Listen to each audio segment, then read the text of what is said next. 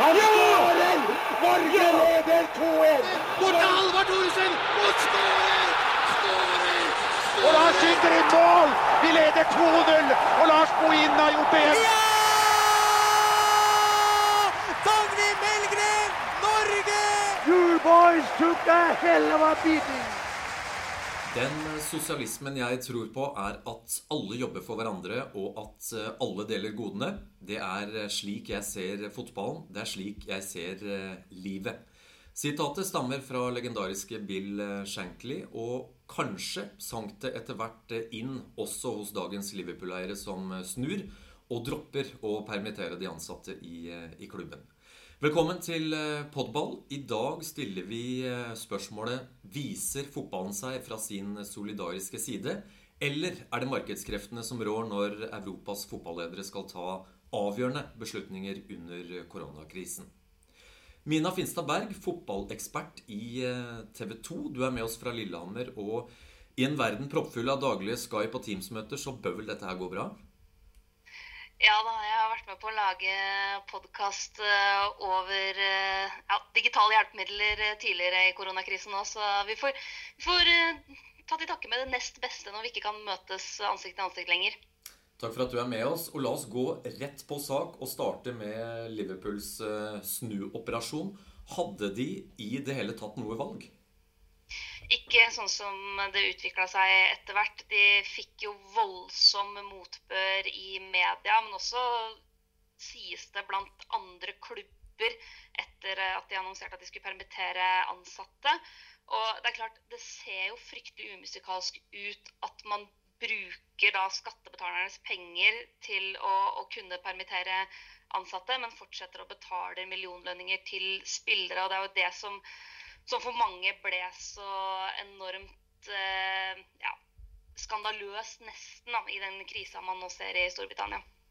Det er uh, straks påske, og vi kjenner jo alle fjellvettreglene. Det er ingen skam å, å snu, og det forsto også da administrerende direktør Peter Moore, som i et uh, åpent uh, brev beklager og innrømmer at de tok feil beslutning. Det er ikke alle ledere som hadde vært villige til å snu på den måten? Nei, og det skal de jo ha honnør for, og innse at nå har vi gjort en grov bom. Og da bør vi også kunne klare å snu på det og innrømme at vi har tatt feil. Men som sagt, etter hvert så var det nesten umulig å ikke snu for Liverpool. Det er jo en, en klubb som også har vært stolt av sin historie. Bill Shankly, som vi starta med en viktig figur for dem. Og det kom såpass sterke reaksjoner også fra egne supportere at de på en måte for å redde sitt eget skinn nærmest var nødt til å snu. Er det ekstra viktig at en klubb som nettopp Liverpool, da med sin arbeiderklassehistorie, snur også? Ja, jeg tror det. Altså, fotballklubber er også avhengig av hva slags image de har. Og, de, og Liverpool har jo jobba veldig mye med å måte, selge inn klubbens historie, identitet, sjel rundt nettopp eh, den bakgrunnen de har, den type supportere de representerer, den stolte historien de har. Og, og det er klart at man aksepterer jo på et vis mindre av en klubb som Liverpool enn det man kanskje ville gjort av enkelte andre klubber. altså eh, PSG f.eks., som mange allerede ser på som litt sånn moralsk shady. Eh, de ville nok også fått, fått kjeft for det, men eh, man ville kanskje, altså man forventer kanskje bedre av en klubb som Liverpool. da. Ja, for det er jo andre klubber i, i, Premier League som også har gjort det samme. Tottenham og Newcastle hvis jeg husker riktig, har jo også permittert ansatte. Det ble reaksjoner, men på langt nær samme måte som da, da Liverpool først gjorde det samme.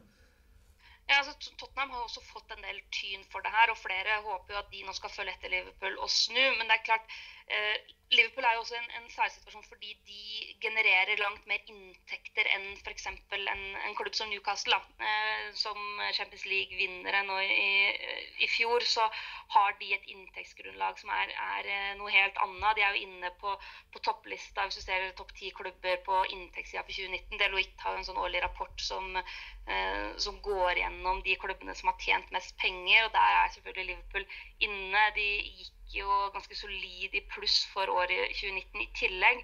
Og det er klart at Da virker det ekstra umusikalsk kontra klubber som kanskje har slitt mer økonomisk den siste tida. Vi skal fortsatt holde oss litt i Premier League-verdenen, Mina. For en av de store debattene den siste uka, det er jo hvorvidt Premier League-spillerne bør godta et ja, nærmest kollektivt lønnskutt for å vise at de også er med og tar ansvar under eh, koronakrisen. Og helseminister Matt eh, Hancock han kom på en pressekonferanse med en klar oppfordring til Premier League-spillerne. La oss høre hva han sa på pressekonferansen. I think that everybody needs to play their part in this national effort, and that means Premier League footballers too. Given the sacrifices that many people are making, including some of my colleagues in the NHS who've made the ultimate sacrifice of going into work and have caught the disease uh, and have sadly died, I think the last thing, the, the first thing that Premier League footballers can do is make a contribution, take a pay cut, and play their part. Ja, det var eh, pressekonferansen i, eh, i, forrige uke. Og dette her satte jo eh, i gang en stor debatt, og, og reaksjonene uteble ikke. Hvordan tenker du at helseministeren her opptrådte når han henvendte seg til, til Premier League-spillerne spesielt? Det er veldig enkelt å peke på Premier League-spillerne. altså veldig veldig mange mener jo at fotballspillere tjener eh, tøysete mye penger. Og det er jeg jo tilbøyelig til å være enig i. Hvis du ser på lønningene i de største ligaene blant de største eh, spillerne, de aller største stjernene. Og det er, liksom en, det er veldig lett å peke på dem. De er veldig lette syndebukker. Eh, samtidig så har jeg også forståelse for at en del av spillerne kan føle seg litt urettferdig behandla. Altså, det er jo flere fotballspillere i England som allerede har tatt eh, initiativ på egen hånd til å donere penger, starte innsamlinger og bidra på sin måte. Eh, og så er det jo klart at mange fotballspillere også føler det urettferdig at det er de som skal ta støyten, når de f.eks. har eiere i klubbene som tjener langt, langt mer penger enn det spillerne gjør. Ja, for Din kollega i TV 2 Brede Hangeland han skrev en eh, blogg 'Lønnskutt i Koranens tid'. Og pekte jo på paradokset at lønnskutt for Premier League-spillere det betyr lavere skatteinntekter for staten eh, og besparelser for Premier League-klubbene. Og da, da, oppnår man jo kanskje ikke hensikten? Nei, det er jo et, eh, et poeng, det òg. Altså, I tillegg så, så, så, sies det jo nå at spillerne seg imellom jobber jobber med å få på plass løsninger der de kan sikre seg at deres eventuelle lønnskutt faktisk da bidrar til å kunne holde andre ansatte i klubben i jobb og kunne bidra inn mot helsevesenet nasjonalt. Men at de ikke ønsker å ta lønnskutt for å på en måte styrke eiernes posisjon. ikke sant? Altså, de vil mm. ha forsikringer på at de lønnskuttene de gjør, faktisk kommer klubbansatte og helsevesenet til gode, og ikke ender opp i lomma til eiere som allerede har ganske solide formuer. Eh, og så er det selvfølgelig en helt annen situasjon hvis du er i en klubb som faktisk sliter økonomisk og kommer til å, å havne i faresonen eh, hvis fotballen settes på vent lenge. Og så er det jo et spørsmål sånn i ettertid om, om dette var et uh, bevisst uh, PR-virkemiddel fra helseministeren også. fordi det har jo vært en kritikk mot den britiske regjeringen på hva de har gjort og ikke. Og ved å komme med et sånt utspill som, som mange oppfatter som eh, litt populistisk, så, så klarte han i hvert fall å flytte fokus eh, for noen dager. Absolutt. og da, Det er jo ikke første gang man ser at det er på en måte fotballspillere som man alltid peker på. Det er jo en veldig vanlig sak at man f.eks. sammenligner en fotballspillers lønninger opp mot en sykepleier. og Det er jo for så vidt en interessant sammenligning, men du har ganske mange andre inntektsgrupper i Storbritannia som også tjener enormt mye penger, men som på en måte ikke um, havner i fokus på samme måte som fotballspillerne. Da. Det er klart, Fotballspillere er enkle enkle mål, mål, i en sånn type situasjon hvor du trenger noen å skylde på, eller du trenger å avlede oppmerksomheten. Det er jo enorme beløp i spill i Premier League. Og dersom serien ikke fullføres, så, så snakkes det om 9-10 milliarder i TV-inntekter som kan utebli. Hva tror du vil skje nå de neste ukene? Jeg tror Premier League, i likhet med de andre store ligaene, er helt desperate etter å finne en løsning som gjør at man kan spille ferdig sesongen 2019-2020. Eh, både fordi de har veldig sterke økonomiske interesser av å få spilt ferdig sesongen, nettopp pga. frykten for å måtte betale tilbake ikke eh, TV-penger. Det er store, store summer. Og for Premier League-klubbene så, så, representerer det eh, for veldig mange av dem hovedinntektskilden. Du har noen klubber helt i toppsjiktet som også har veldig solide kommersielle inntekter. Eh, men hvis du, ser, hvis du tenker utafor de aller, aller rikeste klubbene, så er TV-pengene den største parten av kaka når du ser på de inntektene de har. Så det er klart det er sterke, sterke økonomiske interesser for å få spilt ferdig sesongen. Men så er det også rent sånn sportslig viktig for mange å få ferdigspilt sesongen. fordi altså, Jeg har grubla mye på det sjøl. Jeg har gått gjennom en del eksempler fra de siste 20 åra når man har måttet kansellere fotballsesonger. Og jeg har til gode å finne en løsning som er rettferdig.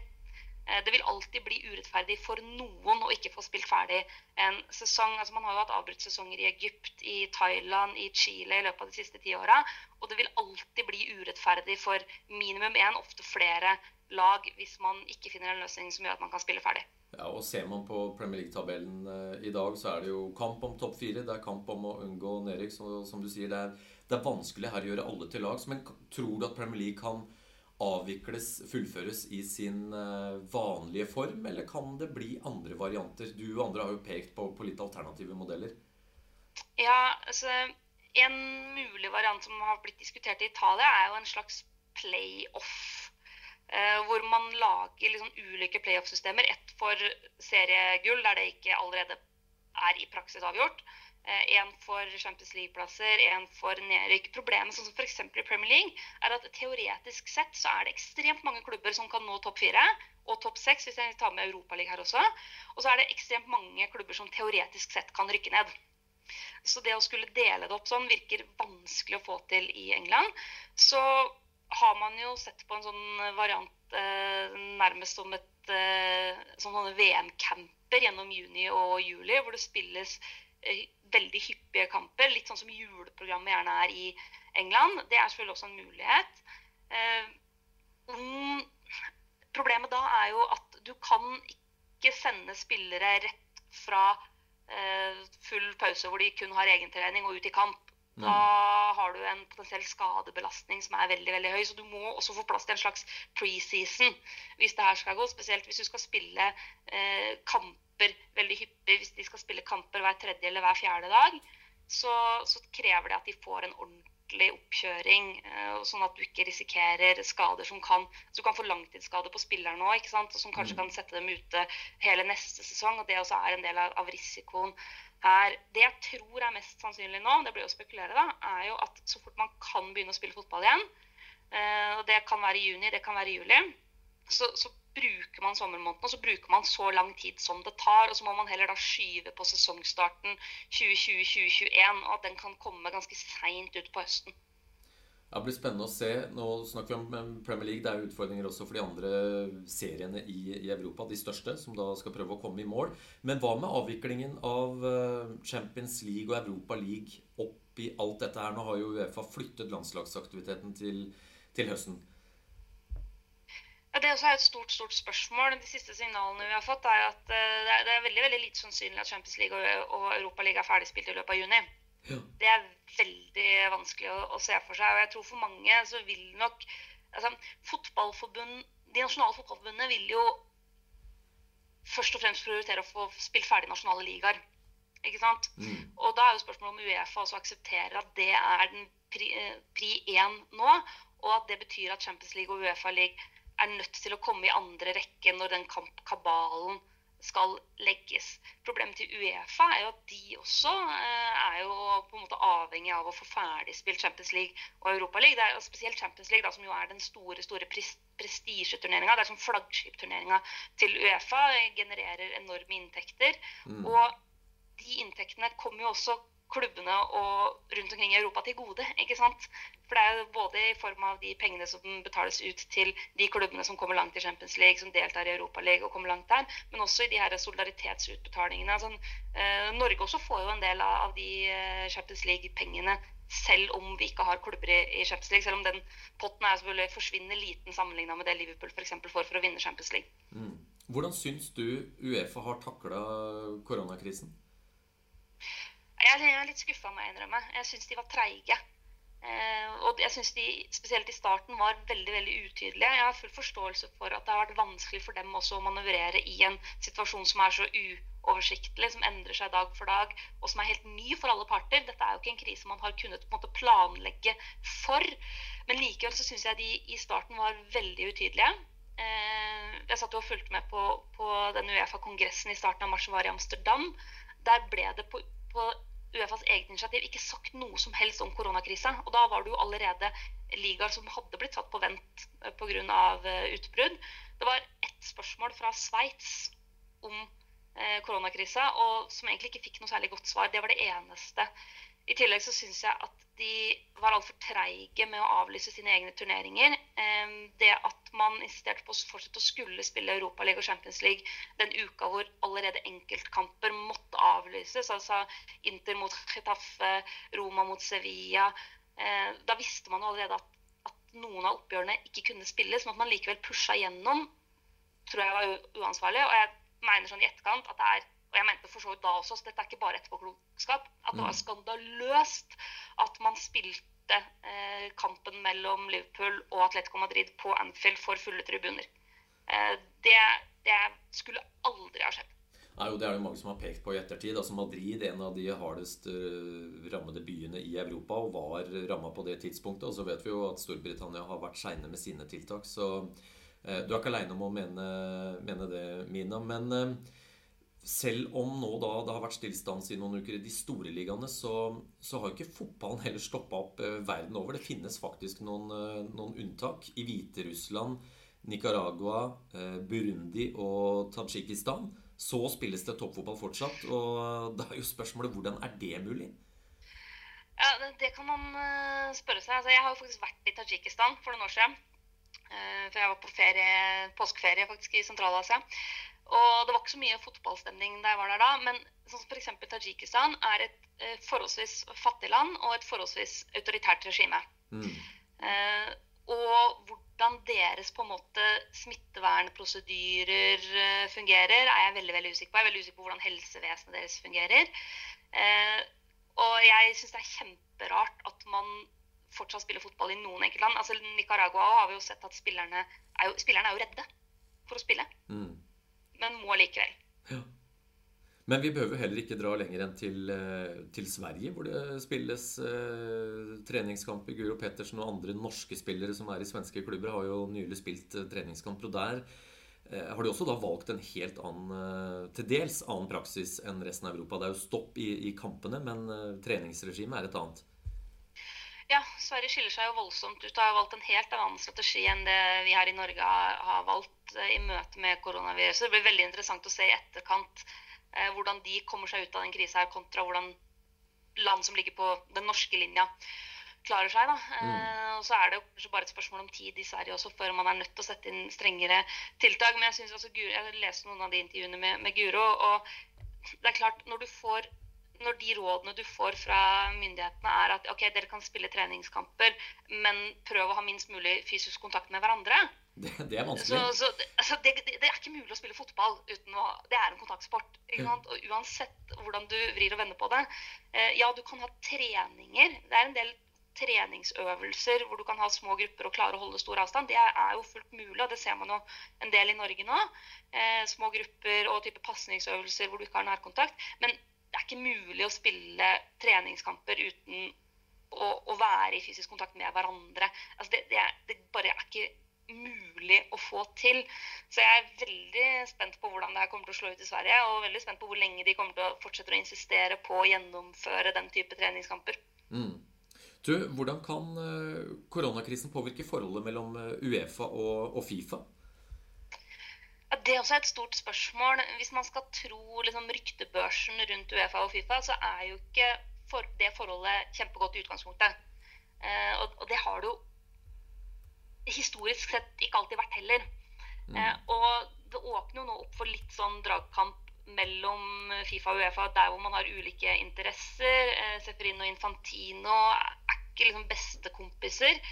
Eh, og du vil ha ulike hensyn som Fifa og Uefa har lyst til å prioritere akkurat nå. Og så er det jo spørsmålet som hvem kan bestemme hva? Ja. er jo også et stort spørsmål i dette. Altså, eh, Fifa har jo kommet med en del anbefalinger og en del forslag. Hvilke av disse må Uefa følge, og hvilke av dem er mer liksom, rådgivende?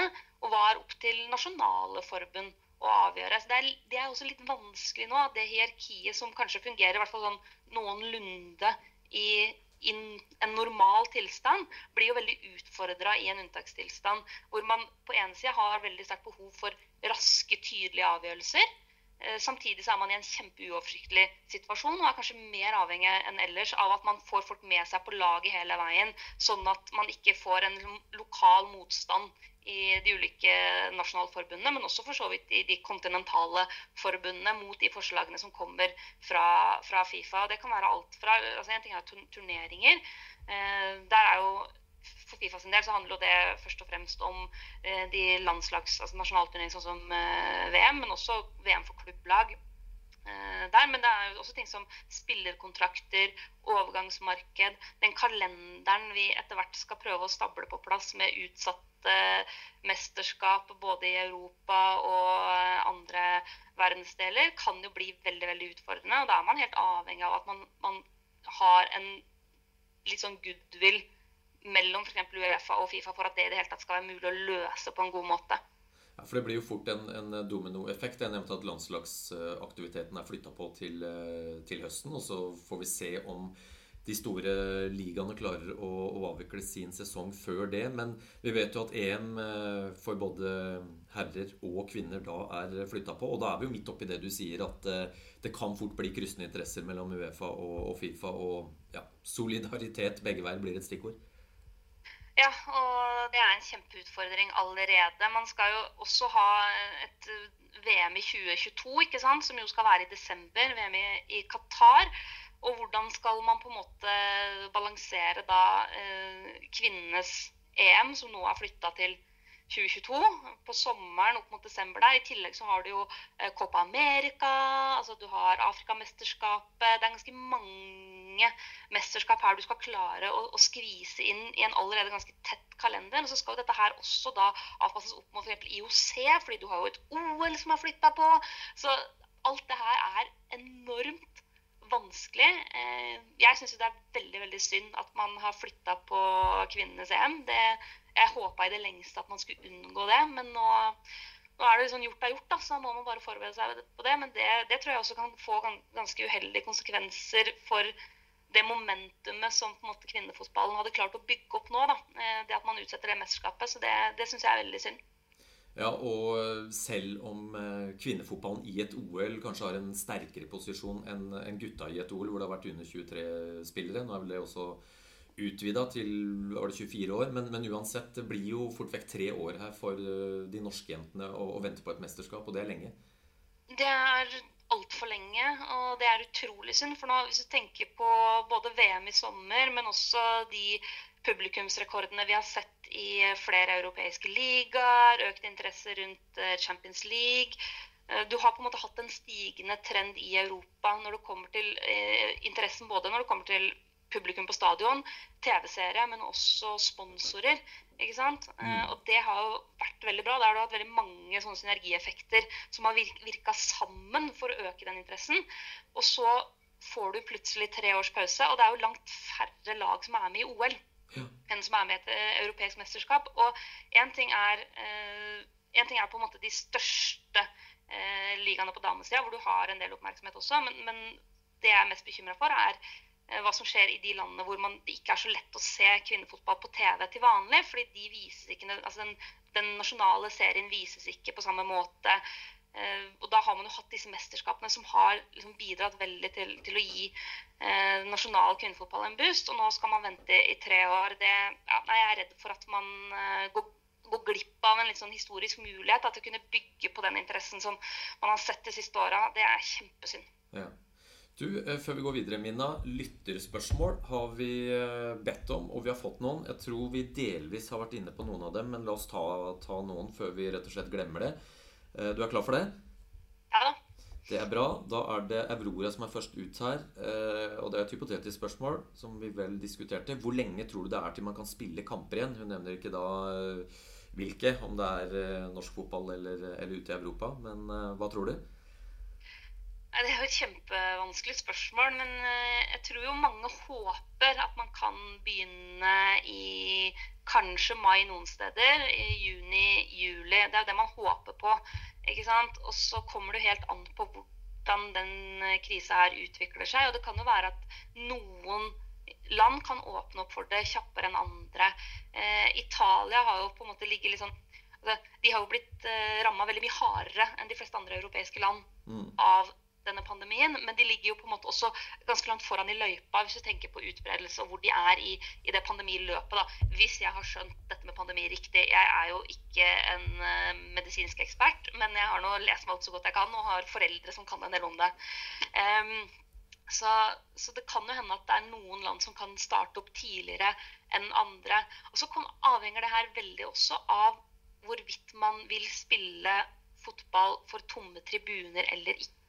Mm. Eh, det er et stort, stort spørsmål her. Fordi man kan nok starte Eller man kan starte raskere hvis man spiller for tomme tribuner. Eh, men sånn som ting er i Norge nå, f.eks., så vil vi jo ikke i, for veldig, veldig lenge kunne åpne for idrettsarrangementer med fulle tribuner, dessverre. Ja, og Da har Håkon også fått svart, uh, svar på sitt spørsmål. for Han spurte når tror du at fotballen starter igjen, samme som Aurora. Uh, Ingrid spør hvordan tror du klubbene håndterer seriekampene som kommer? Altså når, uh, når vi er i gang igjen? Ja, Det blir veldig interessant å, å se. Altså jeg tror for veldig mange, Hvis det er de norske klubbene nå, da, så handler det om å prøve å, å finne en måte å håndtere den nye liksom, treningshverdagen for spillerne.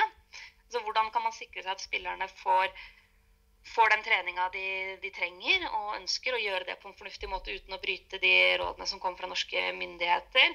Det er jo en del klubber som nok teller eh, kronene ganske nøye nå om dagen, og prøver å finne ut av hvor lenge tåler de rent økonomisk eh, det at de ikke har noen kampinntekter. Sesongkortsalg er jo ikke i gang på samme måte som det ellers ville vært mange steder. På grunn av, men også TV-inntekter, sponsorinntekter osv. så Eh, og så er det jo det å prøve å se for seg hvordan man skal avvikle seriekamper med og uten tilskuere. Eh, hvis man får en sånn semiløsning der man f.eks. har tak på antall tilskuere som kan være til stede på en stadion, så krever det ganske heftig logistikk fra klubbenes side for hvordan de skal kunne gjennomføre det på en fornuftig måte. Og jeg tror for veldig mange klubber nå så er det først og fremst en sånn enorm usikkerhet Eh, man prøver så godt man kan å planlegge, men det er veldig veldig vanskelig når du veit veldig lite om når du kan starte opp igjen. En del eh, internasjonale, Hvis du tenker internasjonal fotball, så har jo en del klubber sagt til spillerne sine at eh, nå, dette her er deres offseason. Mm. Den, den ferien dere pleier å ha på sommeren, den er nå. Og så er det synd at dere ikke kan da reise til Maldivene eller eh, karibiske øyer og ha ordentlig ferie. Sånn må det bare bli. Eh, det er én måte noen har løst det på. Eh, men jeg tror det er mye usikkerhet. Og så gjør man det beste i den usikkerheten man står i, og prøve å planlegge for ganske mange ulike scenarioer. Og så er det et spørsmål om eh, Premier League fra Johan, som spør hva syns du om at det ikke er klare regler om hva som skjer dersom sesongen ikke fullføres?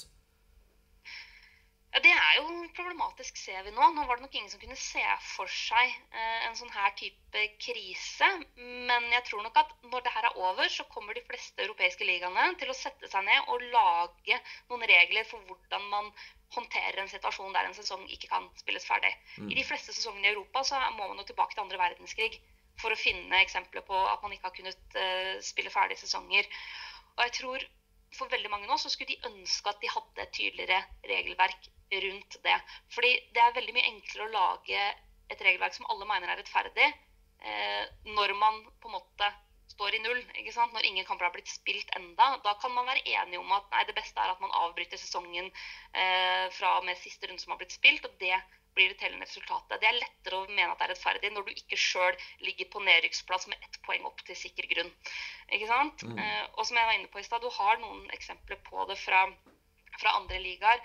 Eh, Bl.a. I, i Thailand, hvor, hvor, da kongen døde. Eh, og Dermed ble det landesorg. og da kunne man ikke ha noen underholdningsbegivenheter, og fotball falt inn under det.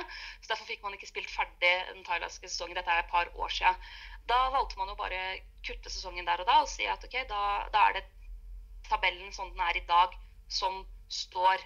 Men det vil jo selvfølgelig være urettferdig for noen klubber som har heng på eh, seriegullet, eller klubber som ikke får rykke opp fra nivået under. Um, så, så, jeg tror nok at de kommer til å, å, sette seg ned og prøve å lage et uh, regelverk så fort det her er over. Det er sikkert noen som er i gang med å drodle på det allerede. Ja, og det, Silje her spør om det du eh, nevner der, Mina. Kan Liverpool bli seriemester selv om sesongen ikke fullføres? Det er mange som har sagt at eh, Liverpool er så nærme teoretisk at gi dem gullet, og så fry, ja, enten vi avslutter sesongen eller ikke. Du har eksempler på det. Thailand er et, mm. Chile er et annet et. Hvor, hvor da man har kåra en seriemester uten at ligaen formelt er spilt ferdig. Det er klart, det er jo enklere i en situasjon der Liverpool har jo Teoretisk sett så har de jo ikke vunnet i ligaen ennå. Det finnes jo teoretiske muligheter for at Manchester City kan nå dem igjen. Men de aller fleste av oss er jo enige om at det skjer jo ikke. Ikke sant? Mm. Eh, altså det er Praktisk talt så, så, har de vunnet ligaen allerede, men formelt har de ikke gjort det. Eh, og det, det, finnes eksempler på at man har, har, gjort det på den måten tidligere. At, folk har blitt, at klubber har blitt tildelt et seriemesterskap uten at ligaen har blitt spilt ferdig. Men problemet sånn som i England er jo at ja, vi kan alle være enige om at Liverpool kommer til å vinne uansett, så de kan få seriegullet. Problemet er jo Champions League-plassene, Europa League-plassene, nedrykk. Du kan på en måte ikke kun kåre en seriemester og så ikke gjøre noe med resten av tabellen. Mm. Nei, og Da er vi tilbake til det vi snakka om eh, innledningsvis. og at Her er det jo enorme markedskrefter, altså så store økonomiske interesser, at eh, man kan jo i verste fall se for seg søksmål fra klubber som eh, er i en utsatt posisjon nå, men som eventuelt ikke får lov til å fullføre en sesong. Ja, og ikke bare gjelder det de klubbene som eh, f.eks. står akkurat nå og ligger på nedrykksplass, men har en hengekamp og kun får poeng opp til trygg grunn. Men, men eh, det kan også gjelde lenger ned i systemet. Altså lag, lag som f.eks. Eh, ikke får sjansen til å rykke opp. Mm. I Premier League så er jo forskjellen på å spille Premier League-fotball og Championship-fotball ganske stor økonomisk sett. Og da kan man få den type søksmål. Og hvordan de skal løses, er eh, fryktelig vanskelig å se for seg. I tillegg til at du har eh, selvfølgelig dette med Champions League-plasser, som er ekstremt lukrative økonomisk sett. Vil du da få klubber som går til søksmål fordi de lå ett poeng bak Champions League-plassen idet serien ble avblåst. Altså, det er så mange sånne type ting som gjør det vanskelig. Og det her er noe av grunnen til at både Uefa og veldig mange eh, ligaer kommer til å prøve i det lengste å få spilt ferdig sesongen, og at man da heller risik vil risikere at neste sesong må skyves eller til og med komprimeres. Ja, det er uh, veldig mange ubesvarte uh, spørsmål idet vi går uh, inn i påska. Den som lever, får se. Det er ikke noe, noen lette valg fotballederne skal, skal, gjøre. Du er på Lillehammer, sa jeg innledningsvis. Eller heter det i Lillehammer, så ikke jeg får kjeft nå? I eller på? På. På, ja. Det var bra. Jeg er fra Kongsberg, og da slo det meg plutselig her nå at det er jo de som hevder at Lillehammer og Kongsberg de konkurrerer om å være Norges dårligste fotballby. Så det var kanskje greit at vi hadde europafokus. Hvordan skal du feire påske? Foreløpig så har jeg jo hjemmekontor, da. Jeg skulle egentlig vært på setra vår i eh, Øvre Rendalen. Eh, som ligger like ved stedet Finstad, der jeg har mitt mellomnavn fra. Men det ble jo ikke noe av. Nei. Så da blir det veldig Det blir en annerledes eh, påske. Eh, men det tåler vi fint. Eh, jeg tenker at nå får vi bidra der vi kan, og så kommer det nye påsker. Så skulle jeg jo selvfølgelig egentlig også eh, ha fulgt seriestarten i Norge eh, den, eh, den, uka her og forrige helg. Det hadde jeg gleda meg veldig til. Jeg er jo jeg, er jo veldig glad i å gå på stadion. Jeg syns det er utrolig moro å se fotball på stadion, enten det er på, på Ullevål eller på Vålerenga stadion eller andre steder. Mm. Så det kjenner jeg at jeg savner veldig. Og det er jo spesielt den norske serien da, som skulle liksom ha starta akkurat nå. Her skulle jo vært på en måte pangstarten for, eh, for eh, Eliteserien. Eh, så det, det, kjenner jeg at jeg savner. Vi får bare håpe Mina, at det savnet blir så stort, så gedigent hos folk flest, at når vi omsider kommer i gang, så strømmer folk til tribunene. Det fortjener ikke minst klubbene. Ja, og det trenger de også rent økonomisk nå, tror jeg. Det, det, er helt sikkert. Tusen takk for at du var med oss, og så ønsker jeg deg en riktig god påske. I like måte.